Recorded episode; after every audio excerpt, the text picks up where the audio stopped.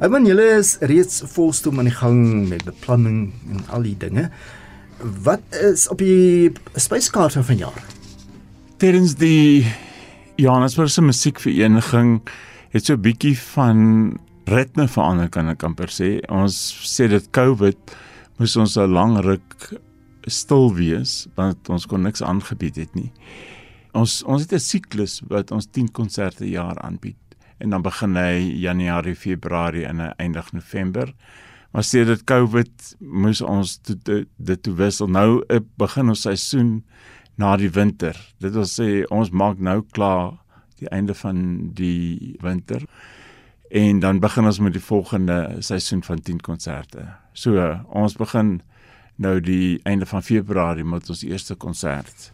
En dan het ons 3 nog oor vir hierdie seisoen. Wel, ons konserte is gewoonlik op 'n Sondagmiddag, 3 uur. Ons het dit altyd op 'n Vrydag of op 'n Sondag gehad, maar nou is het ons dit net Sondag 3 uur. En dit maak dit baie gerieflik vir mense om na die Linder Auditorium te kom. Dit is gemaklik om te parkeer. Daar's genoeg parkering jy weet maklik om te stap as dit dalk 'n bietjie reën of so. En natuurlik die uh, fantastiese Linder Auditorium met sy klaviere wat hy het en akoestiese ruimte wat die mense dan kan inspeel. So dit vind gewoonlik daan plaas. En men julle fokus hoofsaaklik op kamermusiek. Uh, uh, hoekom? O, ons het kunstenaars wat andersins nie gehoor sal word nie die meeste van die kunstenaars is uit die buiteland of hulle kom Suid-Afrika toe as gevolg van sinema die simfonieorkeste wat hulle nooi en dan is daar gewoonlik 'n kombinasie of hulle hulle stel voor dat hulle saam met iemand iets anders ook doen. Jy weet dat dit die moeite werd is om dan nou die lang tog Afrika toe te onderneem.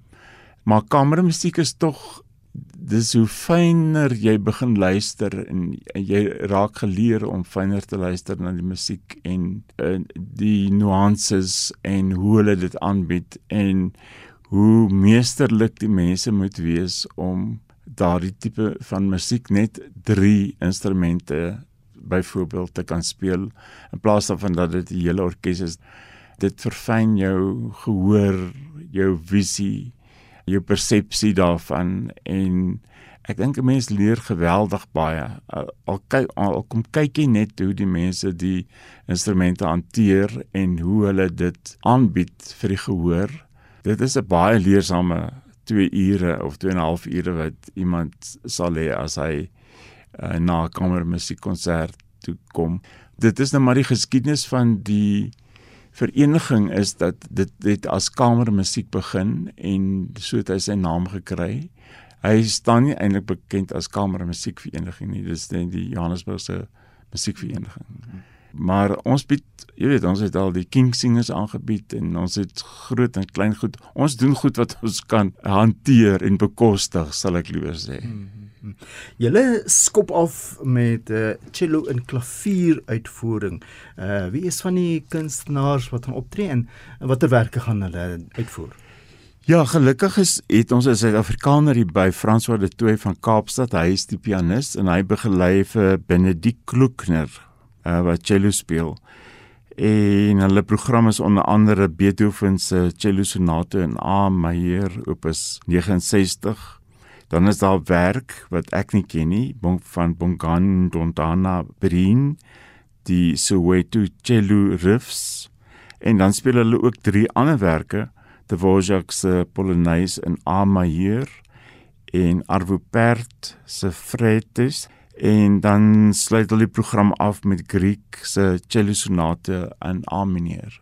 Nogal redelike uiteenlopende program.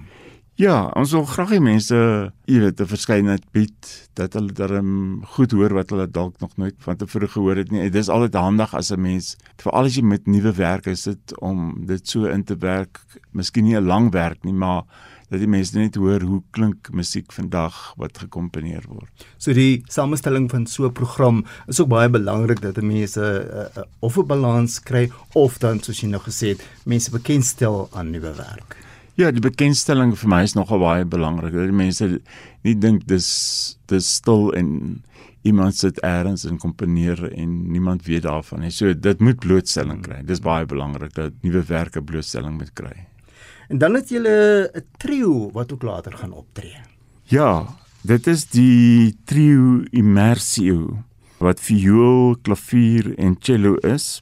Hulle gaan onder andere speel Brahms se trio in B majeur, opus 8 nommer 1 en Schubert se Notturno en dan sluit hulle af met Ravel se trio in A mineur. Dit is die trio wat op die 10de Maart, dis ook 'n Sondagmiddag om 3 uur optree. En die laaste konsert in die huidige seisoen soos jy nou vroeër verduidelik het, is dan 'n pianis. Ja, dis op die 14 April. Jan Jarechek van Arnhem. Hy gaan die sonate in B mol majeur opus 22 van Beethoven speel asook Beethoven se sonate in E mol majeur opus 81A en dan speel hy drie werke van Chopin, die Scherzo nommer in opus 20 en Chopin se twee nocturnes opus 9 en dan nommers 1 en 2 en Chopin se etude in C kruis majeur opus 14 nommer 4 en laastens speel hy Beethoven se sonate in C kruis mineur opus 27 nommer 2 dis die maandelikse sonate wat ons almal seker baie goed ken mm. en ek seker hy gaan 'n ankor ook speel ja, ja. Herman uh, dis nou 'n mondvol wat jy vir ons gegee het heelwat inligting as mense nog graag weer een na julle program wil kyk en presies wil weet wanneer wat aangebied word, uh, waar kan hulle gaan soek? Die beste is maar op ons webwerf wat jms.org.za is. Die hierdie drie programme is volledig daarop en hoe jy kan bespreek en wat die pryse is en wat 'n sitplek is nog beskikbaar. So ek sou sê gaan eers in Soontoe. Ons is ook aktief op Facebook of hulle kan ons bel. Ons het dikwels mense wat tegnies nie altyd so aangelees om al hierdie goeders te doen nie. En ons gee regtig nie om om mense telefonies te help om kaartjies te soek en 'n plek te kry. So, ek kan my nommer en e-posadres vir die mense gee en die mense is baie welkom dit, dit te doen. My nommer is 083 228 2917 en my e-posadres is herman by of @ ertsasselburg.co.za. Kom ons herhaal net weer daardie telefoonnommer en dan ook weer die e-posadres. Die telefoon is 083 228 2917 en die e-posadres is herman@ertsasselburg.co.za.